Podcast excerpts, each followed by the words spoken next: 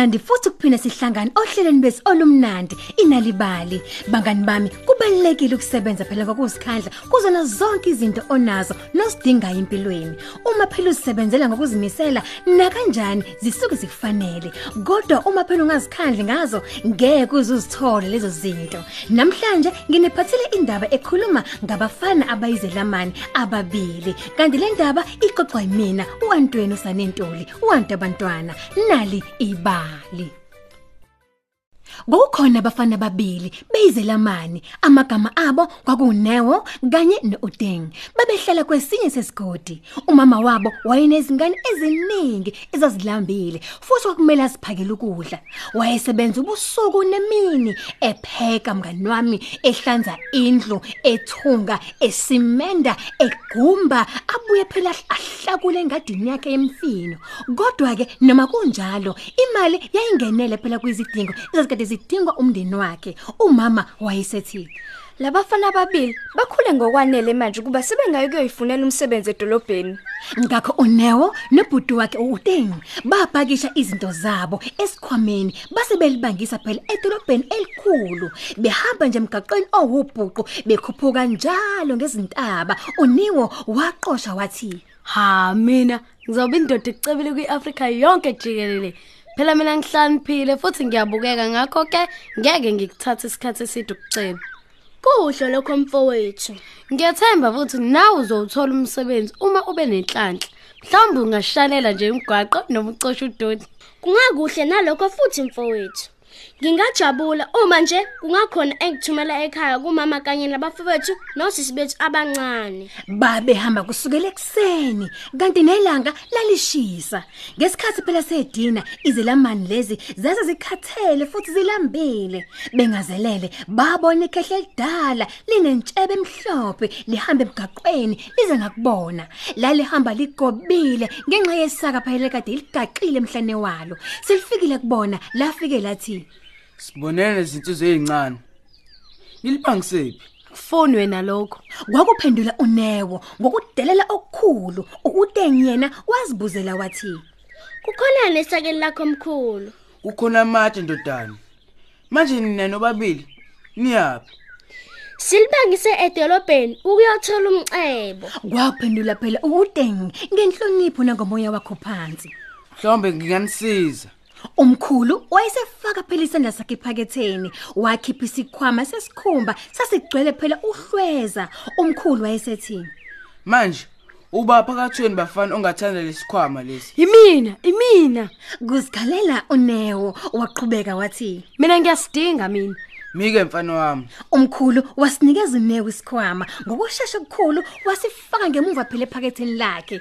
Wayesebuka umkhulu ngokungeneliswa efuna ukubona ukuthi ikupho kunye kade kuphethe. Umkhulu wafaka futhi isandla sakhe ephaketheni. Wakhipha ibhokisi elincane likade likhavwe phela ngendwangu eyivelvet. Wabuza kuqala futhi wathi Khonani lapha? Umkhulu wavula isivalo sebhokisi ngaphakathi kokukhona amadayimane ayebenyezela ekhanyisa kamnandi uDeng wayesecabanga ukuthi lokhu phela ubuhle ekade engakaza bubona ngaphambilini Uba phakathweni bafana ongathanda uba nalamadayimani. Imina, imina. Phela elami leli bhokisi ngiyalidinga. Umkhulu wayesemnikeza phela amadayimani wawathatha wafaka ephaketheni lembe ayikade liqokile umkhulu wayesethatha isaka lakhe lalisinda Uba phakathweni ongathanda bafana ukungiphathela le- lesakala lamatshe. Ngiyale phesha wesigodi engihlala kuso. Lalishikehla lizama bandla ukutshatha isaka ngamahlombe amancane lase lithi Liyasinda kanti futhi hayi ngikhathele. Hayi, mina kusimina. kuziphendulela uNewo Asithi nesigodini siyedolobheni kanti asinaso isikhathi sokukusiza. uDeng wabuka ngemuva eqalaza ibhange elide asebelihambile kusukela ekseni phela wayesethi Ngeke mkhulu uhambe yonke le ndlela wedwa. Base ukubamba inkunzi. Wathi ngikuphekezele, ngizokuphathela isaka, ngikuvikele esigebengini. Uyisilima somfana wena. kwakumemeza uNewo owaqhubeka wathi Ungalinge nje ucabanga ukuthi mina ngizokulinda. Uzohamba yonke le ndlela eboyele emuva ngoba usiza umkhulu nje. Ngeke uthole umcebe wakho. uDeng wayesephatheke kabi wayefuna phela ukusala nomfowabo kodwa sebona umkhulu egqiha ngaphansi kwesindo sesaka wehluleka kumshiya Kulungile hamba newe. Ngizokufica, ngizogijima yonke lendlela uma sengibuye. Ngeke ngikulinde mina. Kuzomela ngisheshe ngifike edolobheni khona ngizokwazi ukudayisa ama diamond ami. Nebala wahamba ehlabelela ngekhwela uDeng yena waphakamisa isaka walithatha ngamahlombe akhe Mm, mngani wami impela lalisinda lelisaka Asambe mkhulu. washa ngobuso babugcwele umusa lokumamatheka waqhubeka wathi Ake sizame ukuba sifike esigodini ngaphambi kokushona kwelanga.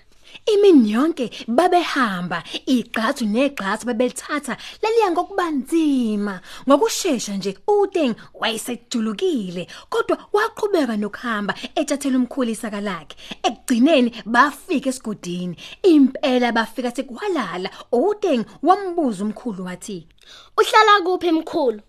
Uyayidinda uzokhosela kuwe ebusuku. Thina siyahlupheka ekhaya. Kodwa umama wami engakujabulela ukuphekela isidlo sethu sakusihle. Akunikeze nendawo yokulala ebusuku. umkhulu wavele wahlala ngaphansi kwesihlahla wayesethi hayi sekwanele Kodwa awukwazi ukuhlala lana nje. Akuphephile. Angaqhamuka othize athathe isaka lakho. lithathe hamba weye ekhaya kumama wakho umnikeze isaka Cha mkhulu, ngeke ngikwazi ukulithatha isaka lakho. Uyalidinga. isipho sakho esivela kumina Kwakusho umkhulu uDeng waqaqa ifindo lesaka walivula ngaphakathi.